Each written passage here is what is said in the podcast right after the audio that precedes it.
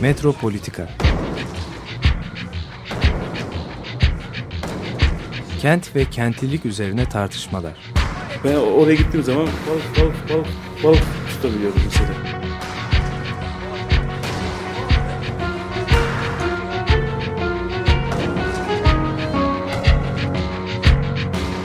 Hazırlayıp sunanlar Aysin Türkmen, Korhan Gümüş ve Murat Güvenç. Takusuyor ki. Kolay kolay boşaltamadı. Yani elektrikçiler terk etmedi Perşembe Pazarı merkezinde.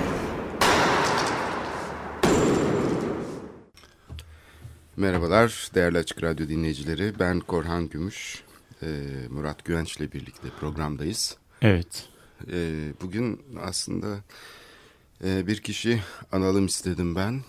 E, geçen hafta kaybettiğimiz Doktor Müfit Ekdal'ı Kadıköy tarihi ile ilgili özellikle yayınları olan e, aynı zamanda Haydarpaşa Numune Hastanesi'nin başhekimliğini yapmış olan 83 yılında da zannedersem emekli olup Beyoğlu'nda tam da e, bizim derneğin bulunduğu binanın yanında muayenehanesi bulunan ve kendisini sık sık ziyaret ettiğim bir kişiydi.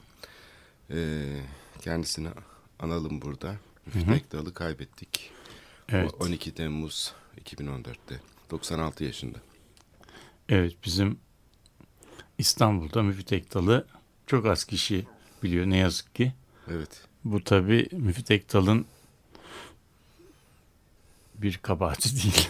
Evet. Bu bizim Evet. üzerinde düşünmemiz gereken bir şey. Ee, bir de tabii Müfit Ektal'ı herhalde biz bugün pek tanımıyoruz ama ileride kent tarihiyle uğraşan insanlar Müfit Ektal'ı e, tanıyacaklar. Müfit Evet. Ektal e, ula benim iki türlü ilişkim var. Bir tanesi e, İstanbul'un tarihiyle ilgili olarak yaptığım çalışmalarda, Kadıköy ile ilgili çalışmalarda onun yaptığı, yazdığı kitaplara çok başvurdum. E, Müfit Ektal bir amatör e, şehir tarihçisiydi. E, çok e, derin tahlillere veya kavramlara başvurmadan e, bir semtin e, yükselişini ve çöküşünü e, anlatıyordu. Yani Müfit Ektal işte e, 90'lı yıllar yaşlarda öldüğüne göre demek ki çocukluğunu bütünlüğüyle o oralarda geçirmiş. Doğduğu evde Evet, yaşamış. evet. Hatta aynı odada yatıyormuş. Doğduğum doğduğum odada yatıyorum Rum. diye bir Evet. şeyi var. e, Şimdi benim ikinci tarafı yani ikinci şeyim Müfit Ektal bizim komşumuzdu. Fener yolunda. Fener yolunda. Bizim evimiz Müfit Ektal'ın evine aşağı yukarı belki 2-3 ev mesafedeydi. Yani 2-3 mesafe. Ve biz böyle çocukluğumda evde o tarihlerde tabii telefonun, köprünün, e, ulaşım imkanlarının çok e, sınırlı olduğu dönemde evde böyle bir acil hasta olduğu zaman e, o zamanki usullerde e, yüzümüzü kızartarak Müfit Bey'e gider Yardım isterdiniz. yardım isterdik. Yani o da, o da sağ olsun zannediyorum böyle çantasıyla falan gelirdi o zaman biliyorsun doktorların çantası vardı çok Evet. özel içinde Kulaklığı vesaire. kulakların Evet. steteskopların olduğu şey ve biz- bize şey yapardı. Ee, mahallede de çok e, bu özelliği itibariyle e, sevilen bilinen bir adamdı. Çok fazla insanlarla şey olmazdı. Anımsadığım kadarıyla güldüğünü böyle şey şakalaştığını falan pek hatırlamıyorum. Çok ciddi bir insandı yani. Ama e, böyle bir, bir takım sivil sorumluluklar falan da geldiği zaman e, onda hiç e, geri çevirmezdi. E, bir doktor olarak eğitilmiş olmasına rağmen çok ilginç şeyleri vardır. E, kentin tarihiyle büyümesiyle ilgili tarihi yazıları vardır.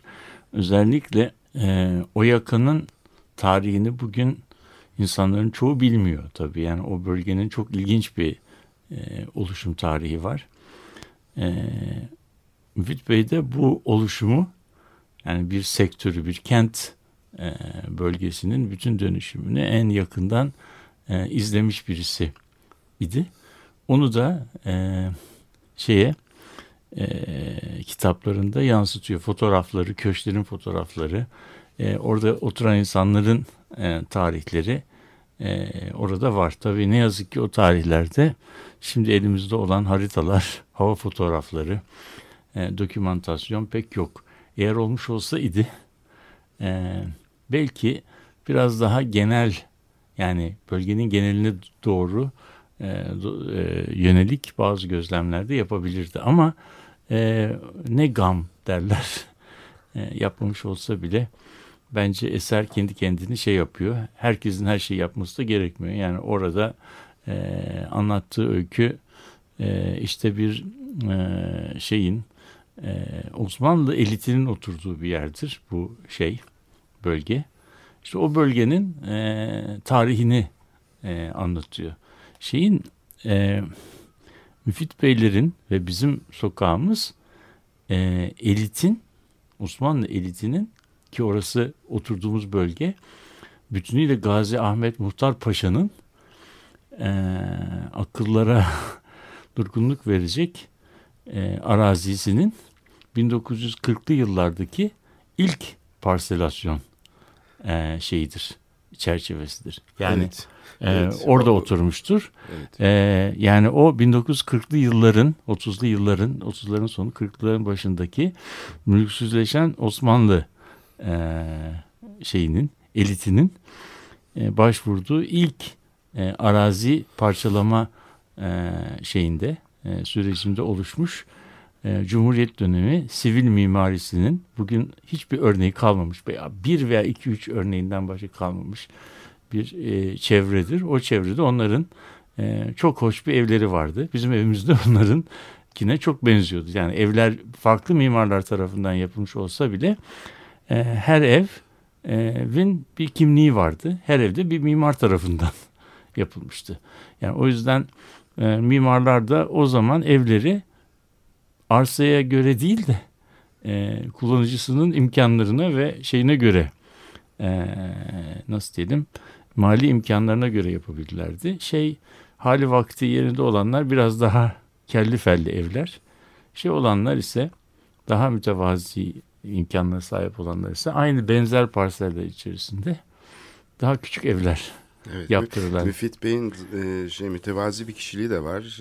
E, 95 yaşındayken yani geçen sene Kadıköy Belediye Başkanı bu sokağa kendi adını Müfit Bey'in adını ver, veriyor. Hı hı.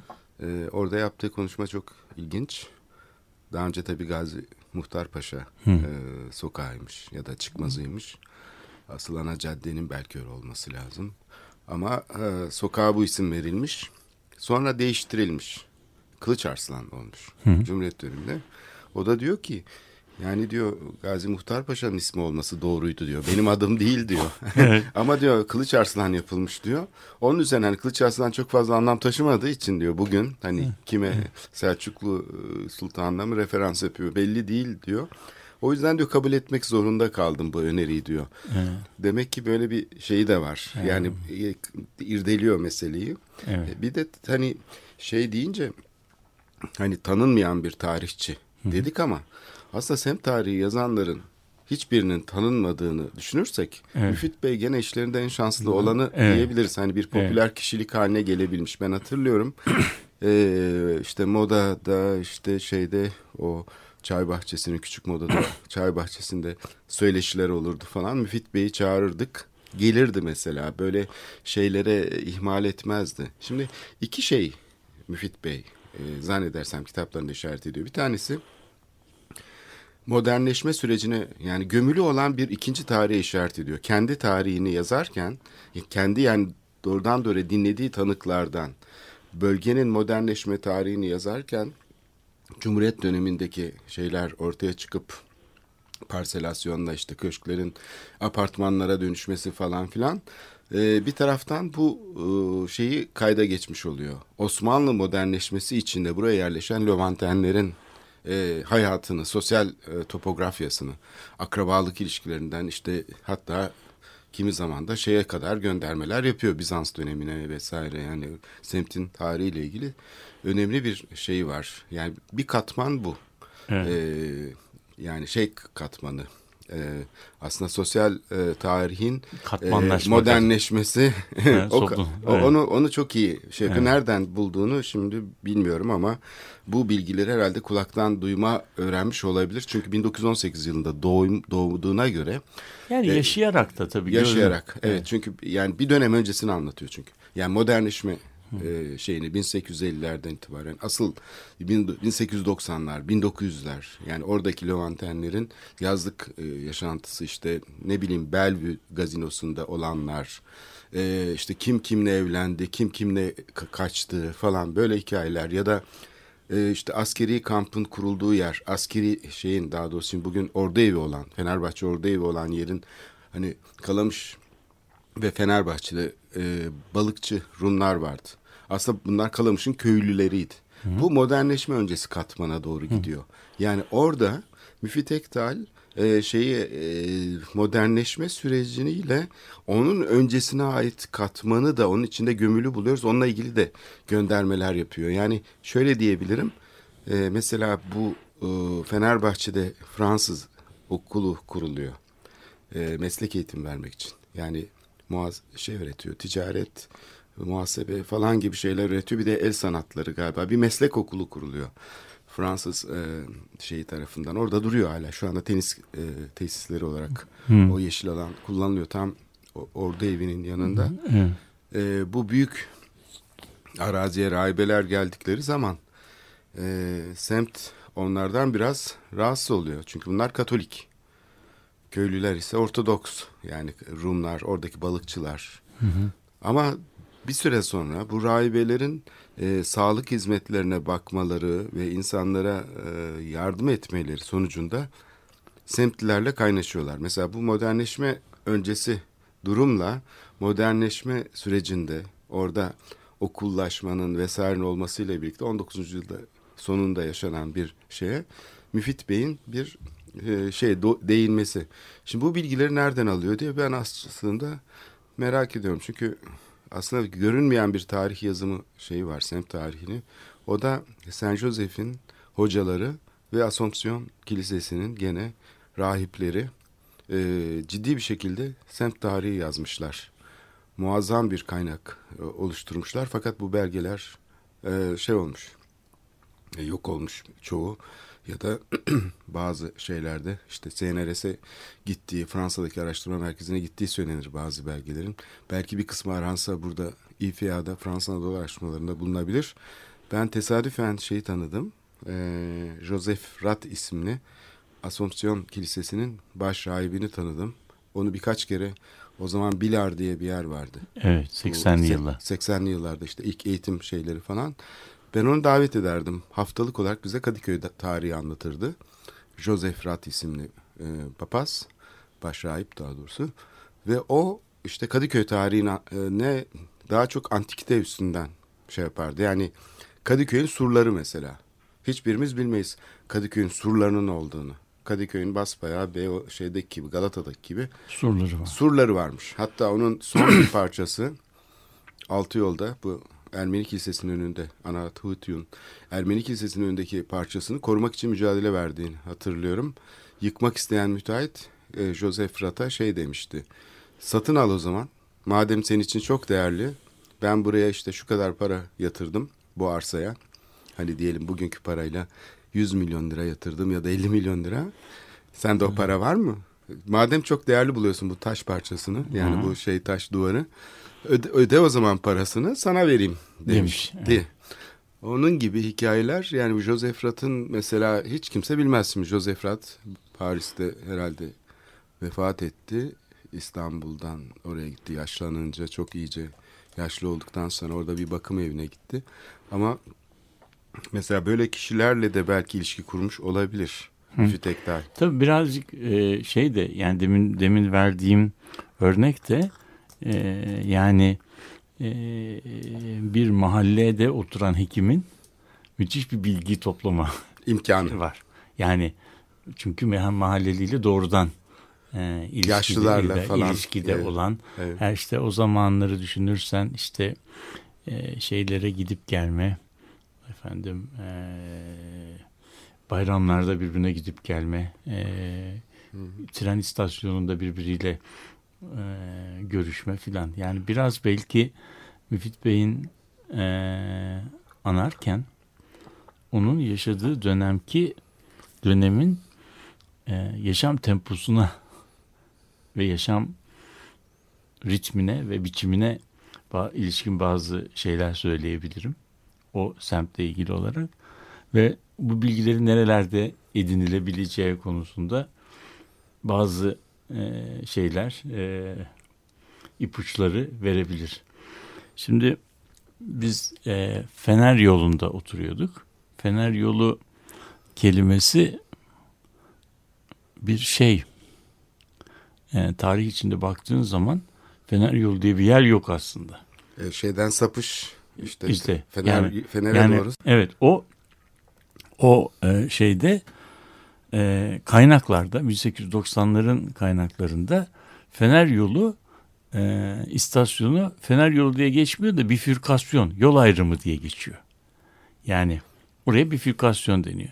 İki tane semt var. Bir tanesi Kızıl Toprak, öbürü Göztepe. Kızıl Toprak çok eski. Göztepe'de tütüncü e, Mehmet Efendi tarafından kurulmuş bir şey. Bir bir ilk Osmanlı developer'ı diyebileceğimiz bir yer. Caddeye adını veren Tütüncü Mehmet Efendi. Ama esasen yerleşme Erenköy ve Kız, e, Erenköy ve Kızıl Toprak. Erenköy bugün Erenköy istasyonun olduğu yere de eskiden Erenköy istasyon deniyor. Erenköy aslında bugün bizim iç Erenköy dediğimiz yerde. Yerleşme e, Yukarıda. yukarıda. Evet. İstasyon e, treni oraya kadar çıkarmak mümkün olmadığına göre bir tane Erenköy istasyonu yapıyorlar. Ve o Erenköy istasyonu daha sonra çevresinde bir gelişmeye e, şey yapıyor. Demek ki sahile yaklaşıyor. Sa- Sahile yaklaşıyor. Tren yolu etkiliyor demek. Tabii tabii tabii. Yani es- eski Pelvitiç haritalarına bakarsan e, Erenköy istasyon diye geçer. Erenköy istasyonun etrafındaki düzenlemede yine istasyona bağlı olarak yapılmış bir kentsel tasarım projesidir. İstasyonun etrafında büyük bir daire çizmişlerdir. Orada e, şeyler, Dükkanlar. e, dükkanlar, Kırmızı tuğla. kırmızı tuğla Prefabrik tuğladan e, yapılmış. yapılmış Evet. dükkanlar ve insanların oraya gelen insanların hani orasının bir çeşit e, dağılım e, o şey yapacağı e, dağılım yapacağı. Bunu hemen anlarsın. Harman tuğlasıyla yapılmış binalardan çok daha preslenmiş e, o daha çok tuğla. kalır. Evet. Şimdi o tabii o preslenmiş tuğba sıva mıva istemez. Kendisi zaten e, şeydir e, güzel. şey. Şimdi bu bölge e, bu bölgede eskiden e, çok büyük şeyler var. E, e, şeyin e, bir kere bu semtin oluşumuna biraz e, gitmek gerekiyor tarih olarak. E, şeyin Kadıköy tarafında senin söylediğin gibi Kadıköy çok eski bir yerleşme. Ama moda görece yeni bir yerleşme. E, Kadıköy'de yani altı yol, yel değirmeni, e, ista- şeyin olduğu, çarşının olduğu yer eski. Moda e, 19. yüzyılın sonunda aslında ilk kez İngiliz elçisinin orada e, Yat kulübü kurması mı? Ve oturmaya başlamasıyla ilgili Evet. olarak. Bu Pera yangınından sonra 1871 Pera yangınından sonra e, şey e, elçilik Be- Be- Beyoğlu'nda oturmaktan çok şey yapıyor. E, nasıl diyelim? Hoşlanmıyor. Çünkü yangından korktukları için bugün tepe başındaki binayı eğer dikkat ederseniz parselin tam ortasına yapmışlardır. Evet e, dört Ee, taraftan d- açık. Böyle açıktır ve Evet. o mesafe koymuşlardır ki yanmasın diye. Fakat Pera yangını öyle bir öyle bir e, cehennem olmuş ki e, olduğu zaman da demişler ki istediği kadar yansın biz etkilenmeyeceğiz diye. Fakat o 5000 bina yanarken çıkan e, sı- sıcaklıktan e, ateş değmemiş bile olsa o İngiliz elçiliğinin şeyi yanmış. E, katları İçi, içindeki döşemeler yanmış ve bina çökmüş. Ne arşiv kalmış ne bir şey kalmış. Anladın mı? Bunun üzerine e, yani bir o oranın da emin olmadığı anlaşılınca bir buharlı eski denilen muş denen buharlı küçük e, tekne ile elçi her gün Gidip geliyordu. gid- gidip gelmeye E, tabii, başlamış. çok Ve o yakın bir mesafe. İşte meş- meşhur bir e, Whittle ailesi var. Evet. Whittle ailesi de orada bir köşk yapıyor. Or- orası kuruluyor. Moda Deniz Kulübü'nün Olduğu yer. 1970'lerdeki üye şeyine bakarsan 1970'lere kadar Vitto'lu ailesi Moda Orada. Deniz Kulübü'nde ad- adları geçer. Evet. Şimdi e, bu dönemde bu dönemde şeyi görüyoruz. E, moda e, moda hızla iskan oluyor ve bir revaçta olan yer var. Fakat modaya yönelik talep de bitmek tükenmek e, bitmiyor. Bir tanesi de modada oturmak isteyenlerin bir tanesi de burada Pera'da oturan Botter. Botter de padişahın şeyi, E, terzisi. e, terzisi Evet. ve e, modada yer bulamadığını, arazinin çok şey olduğunu, Fenerbahçe'nin çok karşı tarafta Fenerbahçe'sinin Yani Kalamış'ın Ne- iki ucundan söz ediyoruz. Bir tarafı Moda, bir tarafı Evet, Fenerbahçe. Çok güzel fakat Kalam Fenerbahçe'ye gidilirse e, orada oraya vapur yanaşmadığı için nasıl e, gidip gelineceği konuşulurken işte bu hattan yani Anadolu Demiryolları'ndan bir kılçık alınması ve bu kılçığın hat boyu üzerinden Fenerbahçe'ye uzatılması Şimdi Evet. zenginlere hizmet vermek vermek için, için yapılmış olan bir şey. Evet. Bir bir yani o hattın e, rentable falan olması mümkün değil. Yani o hat e, tamamen bir şey nasıl diyeyim prestij e, hattı ve Fenerbahçe'sinin imarını şey yapan oradaki köşkleri e, şey yapmak için Teşvik kurulan- etmek için.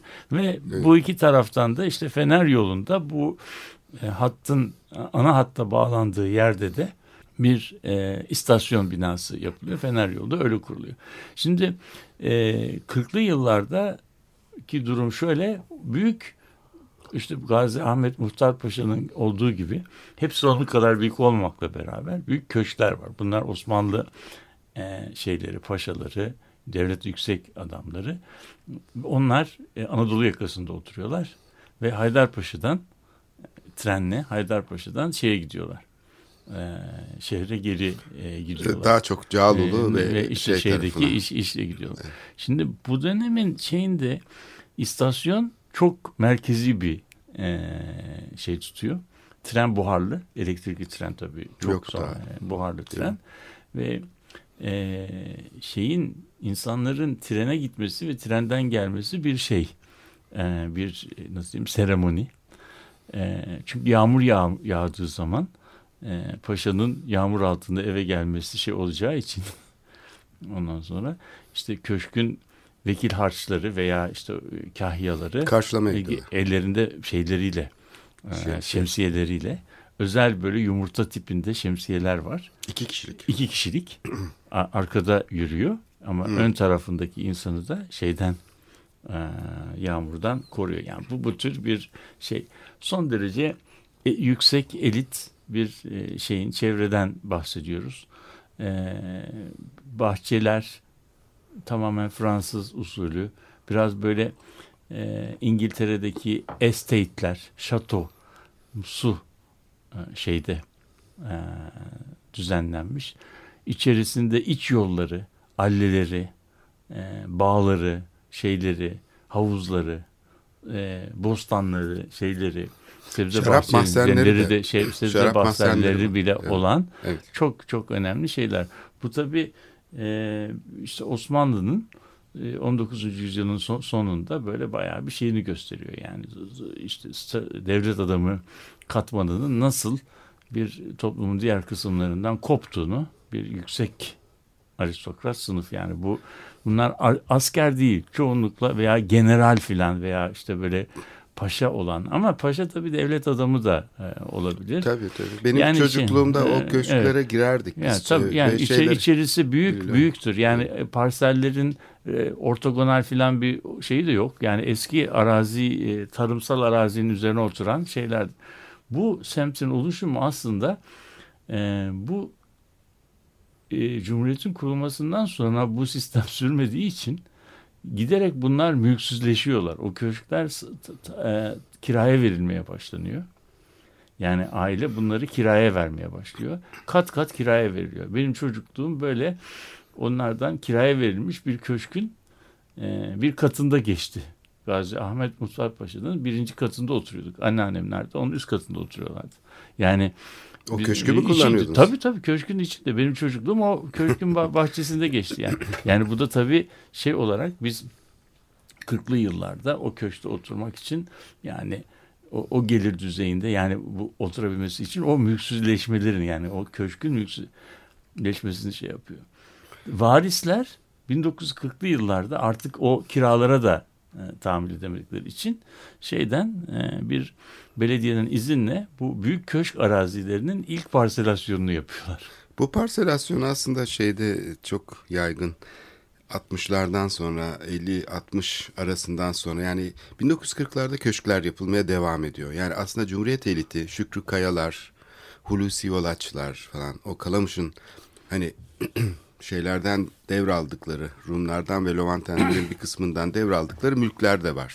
Sahilde Olabilir. büyük araziler var. Mesela Evet, belki sahille iç kısmı birbirinden ayırmak bu lazım. vapur seferleri başladıktan sonra sahilde bir orta sınıf yerleşimi oluyor. Apartmanlarla birlikte. Belki benim bahsettiğim kısım tren yolunun üst kısmı. Evet. Ee, Orası köşklerin orada- olduğu köşk- yer. O köşklerin ben ben mesela oradaki oradaki 40'lı yılların parselasyonunu master tezimde incelemiştim. Oradaki parselasyon Türkiye'de çok az e, yerde gözüken bir şeydir. Belediyenin o yolları yapacak şeyi yok. İmkanı yok. Ama 40'lı iz yıl- olarak bırakıyordu herhalde. iz, iz olarak bırakıyor. Evet. Ee, ve e, bir yolun yapılacak yolun mümkün olabildiği kadar fazla parsele e, hizmet verebilmesi için parseller zaten müstakil evler yapılacağı için 14-15 metreyi geçmeyecek cepheler fakat 50-60 metreyi bulacak derinlikler şeklinde.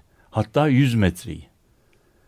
100 metre. Şimdi otopark oldu. oralar. Hayır, hayır o 100 metre. Evet. Şimdi bir parsel düşün 15 metre ve 18 metre cepheli 100 metre derinliğinde. Karşısında da bir tane var. 200 metre derinliğinde yapı adaları var. Bu tabi kullanılabilir bir şey değil. Yani çünkü belediye arazi çok büyük olduğu için böyle bir şey yapmışlar. Onun için o 100 metrelik derinliği de ortadan ikiye bölüyorlar o parseli. Her parsel arkadaki parsele bir geçit yolu bırakıyor. Ve arkadaki parsel yola cephesi olmasa da yan parselin geçit yolundan şey yapılıyor. Bunun şekli baltaya benzediği için buraya balta parselasyonu deniyor. Yani ince bir şeyin İşte bu- yolu ile Evet. ucunda bir şey yani kocaman bir ba- parsel var. Yani Evet. baltaya benzediği için Evet. yani sopası. Şimdi karşı tarafta da öbür tarafta da olduğu için bu 200 metre derinliğindeki adalardan aslında bir yani ada içinde dört parselin olduğu bugüne kadar hiç e, Türkiye'de pek az örneği gözük, gözüken bir parselasyon. 40'lı yıllarda bu yapılıyor. Arka taraftaki binaların içinde de evler yapılıyor Evet. müstakil evler yapılıyor. Daha sonra 60'lı yıllarda imkan gelişince bu ortadaki ortadaki yollar açılıyor. Yollar açıldığı zaman artık herkes komşuya bıraktığı o geçit yolunu tekrar parseline e, katabiliyor. Mü- Müfit Bey'in anlattığı şey, Müftü Ektal'ın anlattığı öykü işte bu eski konakların ve bu yeni orta sınıf yerleşmesinin e, bu bölgede e, oluşum sürecinde o şeyin mahallenin yani burada bir gentrification'ın tam tersi var. Degentrification var. Yani gentry'nin okuduğu, Paşaların, bakanların oturduğu, yanına oturduğu bir yerin bir mahallenin bir orta sınıf mahallesine e, dönüş- Dönüşmesi. dönüşmesi var.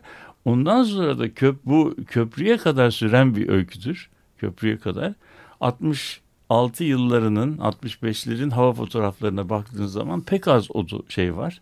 Apartman var ve bu doku büyük ölçüde hala seçilebiliyor. Ama köprüden sonra şey oluyor. Şimdi belki bu arada gelmişken o bölgede niye çok yüksek katlı binaların olduğu İstanbul'da olmadığı kadar o konuda da küçük bir ipucu verebiliriz. Demin bahsettiğim böyle 15-17 metrelik e, cephesi 50 metrelik derinliği olan parsellerde apartman yapmaya kalkıyorlar. Hani bizim dört katlı bizim bildiğimiz müteahhit apartmanları. Fakat iki taraftan iki taraftan e, üçer metre çekme mesafesi bıraktığın zaman çok dar bir yer kalıyor. Ve 50 metrelik bir parselde de e, bina yapmak zorunda kalıyorlar. Halbuki bizim imar mevzuatımıza göre e, 22 metreden daha derin bina yapamazsınız. Böyle olduğu için arkadaki büyük bahçeleri kullanamıyorlar. Kullanamadığı için bölge o ilk parselasyonun getirdiği morfolojik takoz diyebileceğimiz e, engelden dolayı uzun müddet şey yapamamıştır. E, apartmanlaşamamıştır. O bölgeyi apartmanlaştırmayı başaran e, tılsımlı kelime emsaldir.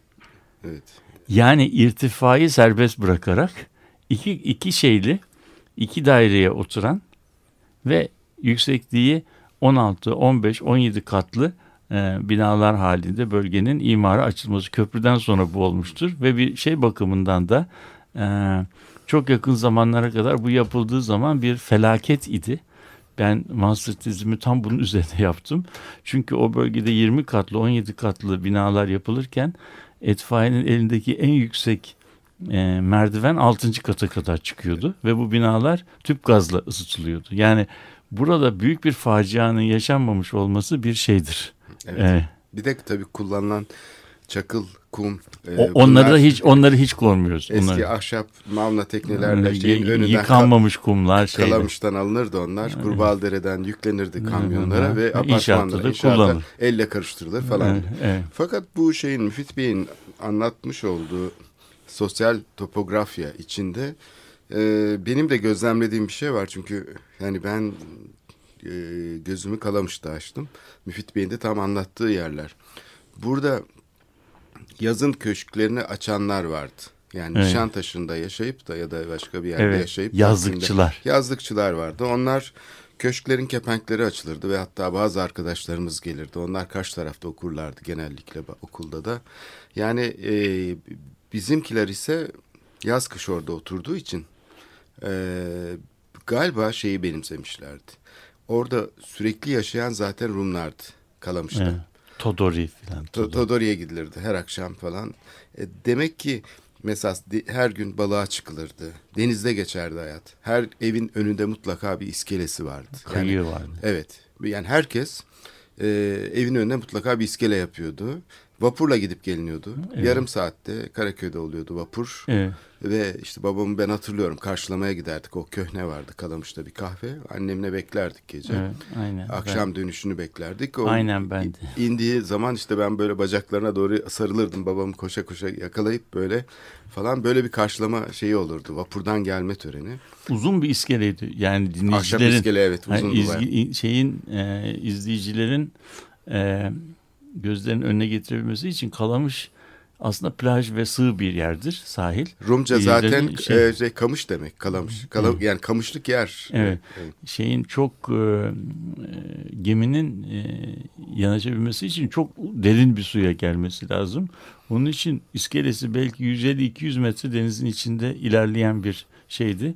Gözümün önündedir şeyden modadan kalkan vapurun gelip oraya yanaşması. Orada bir iskele binası da vardı. Küçük bir iskele binası da vardı. Sonra restoran oldu bir ara. Evet. Evet. Son şimdi de şeyin e, o Dolgun. marinanın Dolgun içinde kaldı. marinanın içinde kaldı. Yani bugünkü iskele aslında o marinalarda dolaşanlar iskeleyi de görmüş oluyorlar. evet istersen bir müzikle devam edelim. Evet. Müfit Bey'in anısına. Evet. Müfit Bey'i uğurlayalım.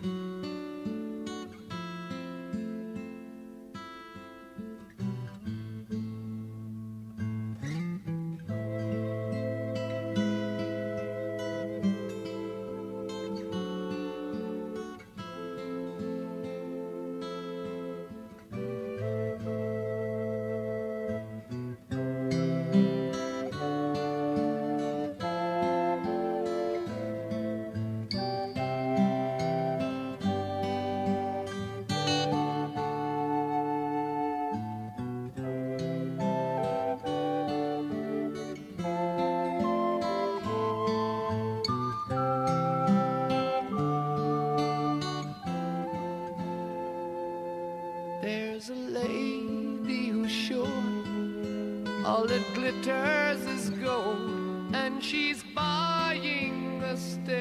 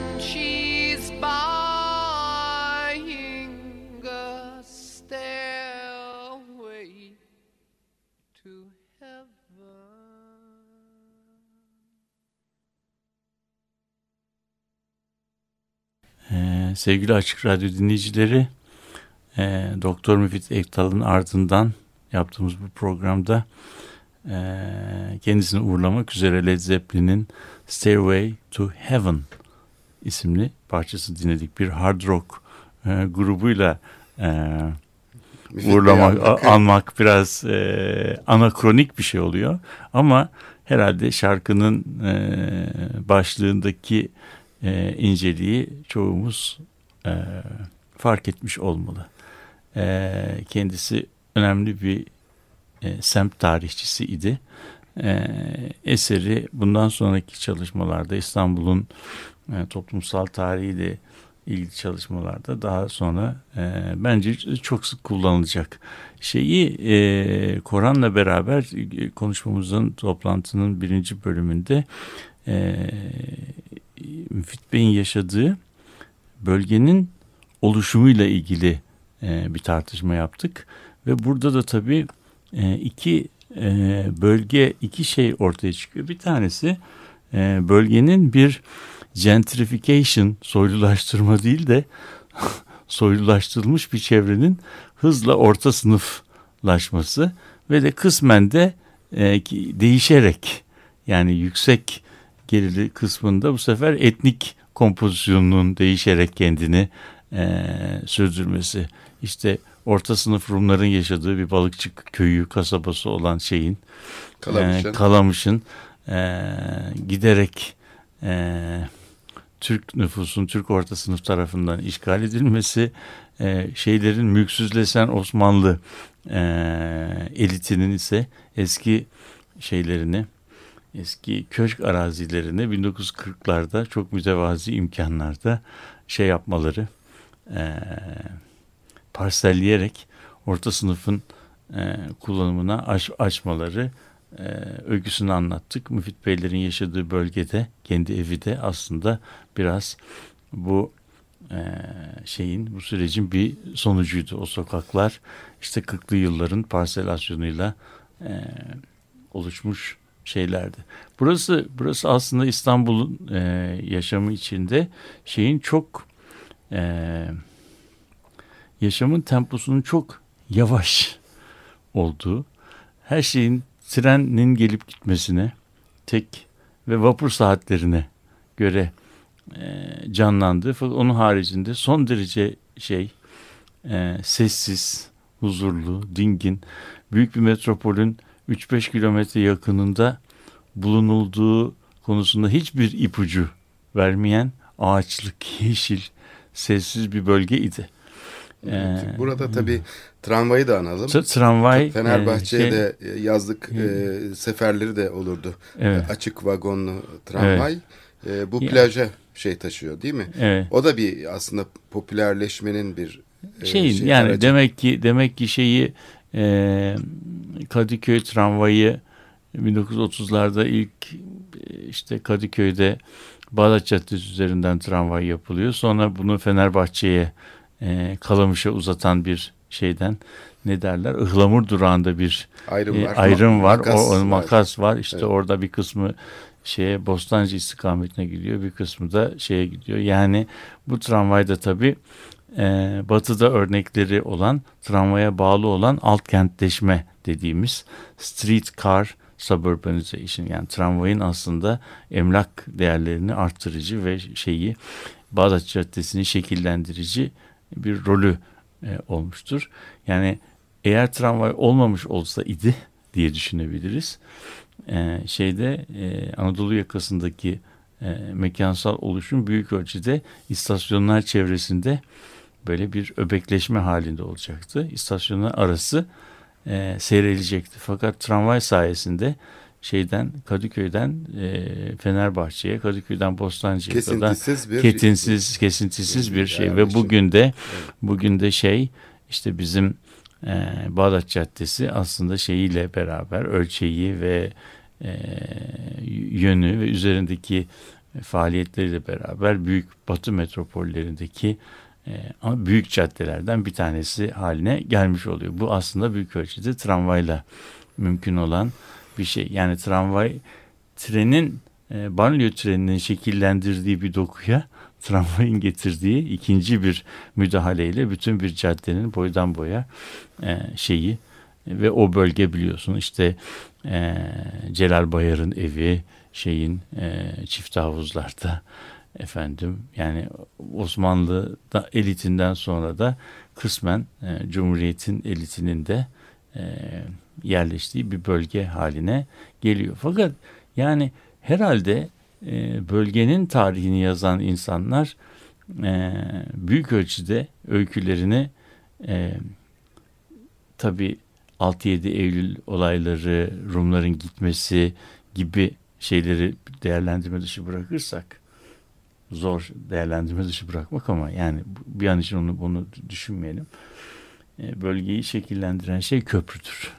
Tabii, köprü. köprü. Köprü. Yani nasıl Köprü. vapur şekillendirdiyse, Değilse- nasıl tr- e, tren şekillendirdiyse bu köprü, köprü, bir, yeni bir dönem başlatıyor. Köprü ile beraber belki köprü ile beraber belki şekillenmesi on yıllar süren bir doku e, büyük bir hızla göz açıp kapayıncaya kadar o bizim aşina olduğumuz yüksek katlı e, apartmanlara veya alçak katlı, beş katlı, dört katlı e, asansörsüz apartmanlara dönüştü.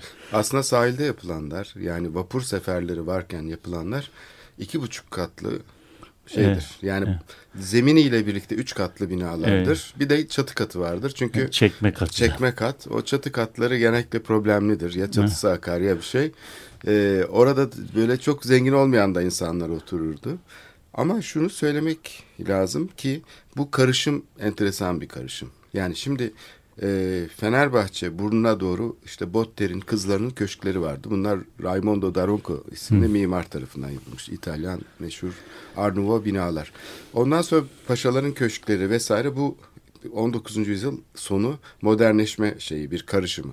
Fakat Cumhuriyet dönemindeki karışım bir semtte semtin yerlisi Rumlar var. Bunlar yaz kış orada yaşıyorlar. Orta sınıf yani bunlar böyle çok zengin insanlar değil. değiller. Evet. Ama hayatı e, keyifli yaşayan insanlar. Yani işte tekneleri var küçük de olsa. Esnaflar işte küçük bir şeyler var. Ya kasaplar ya işte manavlar ya işte Kadıköy'de nalbur. çalışan yani. Kadıköy'ün evet e, Esnafı. ekabir e, şeyle. Bunlar küçük bir işletmenin patronu genellikle ya da işte şey. Hmm. Ama alt sınıfta değiller. Değil. Balıkçılar var. Onlar alt sınıf. Yani manav var, at arabacıları var istasyondan şey taşıyan. Onlar da Rum'du. Yani hamallık yapan Rumlar vardı. Ama üst sınıf e, şeyin mallarına el koymuş olanlar. Cumhuriyet döneminde büyük şeylere, e, mülklere el koymuş olanlar. E, bu kesimle yeni gelen orta sınıf, yani benim ailem gibi e, buraya şeyden taşınan, e, tarihi yarımadadan taşınan kesim iç içe girdi. Aynı apartmanda yaşıyorduk. Mesela bizim apartmanda bir bakan vardı. bir şey vardı. İşte paşa kızı, bilmem ne. Hepsi karışık bir şekilde. Yani bir mozaik gibi aynı apartman. E, çünkü hepsinin gelir durumu aslında aşağı yukarı eşitlenmeye başladı. Birileri malları sata sata harcıyorlardı. Evet onların denizde yatları oluyordu. Mesela işte bizim tekne daha böyle mütevazi bir tekneydi ama işte devlet bakanı da aynı apartmanda oturuyordu. Onunki bu Nazım Hikmet'in hani şeye Rus gemisine e, şey yapılmasını sağlayan Refik Erduran'ın kullandığı teknede bizim evin önünde dururdu. Mesela o biraz böyle kelli felli bir tekneydi. Yani daha böyle hızlı giden bir tekne falan. Yani bu karışım halinde yaşıyordu insanlar. Bir 64 tehciri ile birlikte Rumlar yok oldu hayatta bir anda. Rum ilkokulu kapandı vesaire. Müfit Bey bu şeyi yeni gelenleri çok güzel e, betimliyor. E, bir de kapıcılar vardı hayata katılan. Çünkü kapıcılar genellikle burada inşa edilen apartmanların çavuşları kapıcı olurdu. Çünkü Evet, onlar evet. bunu bir ayrıcalık olarak müteahhitten istiyorlardı. Bunu da herkes kabul ediyordu. Çünkü öyle birisini bulmak güvenilir. Kıdem, kıdem. Kıdemli hali evet.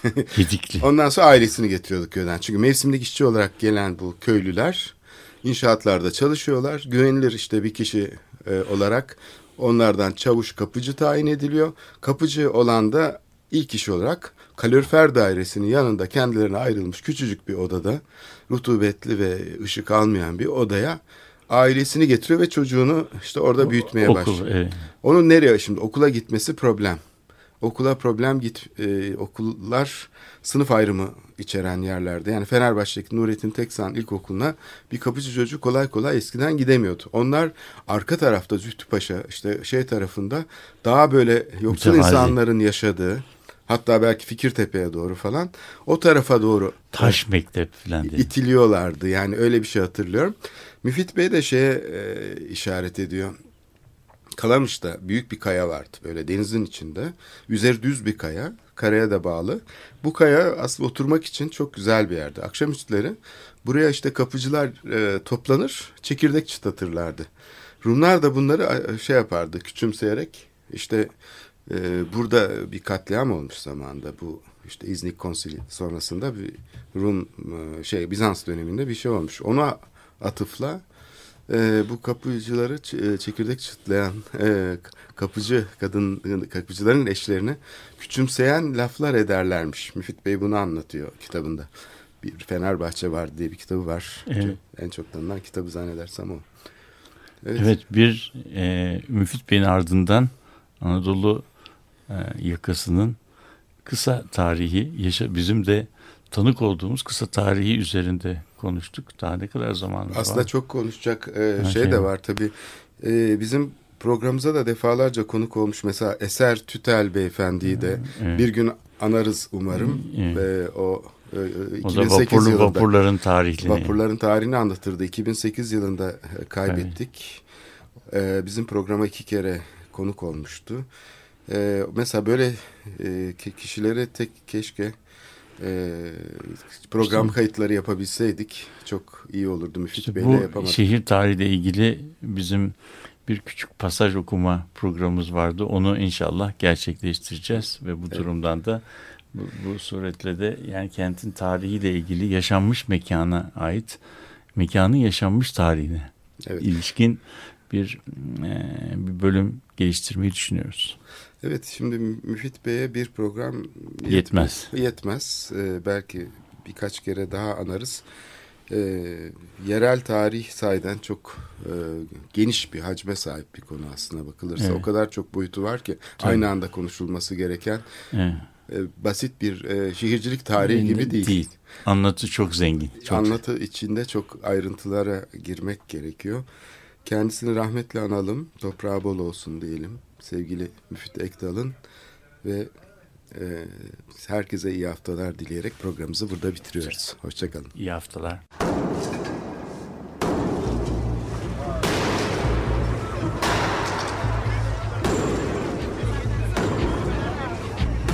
Metropolitika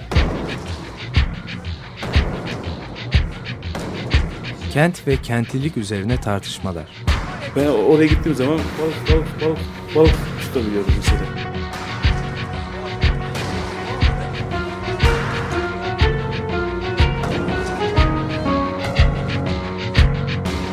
Hazırlayıp sunanlar Aysin Türkmen, Korhan Gümüş ve Murat Güvenç. Takusu yok yani. Kolay kolay boşaltamadılar. Yani elektrikçiler terk etmedi Perşembe Pazarı merkezini. Açık Radyo program destekçisi olun. Bir veya daha fazla programa destek olmak için 212 alan koduyla 343 41 41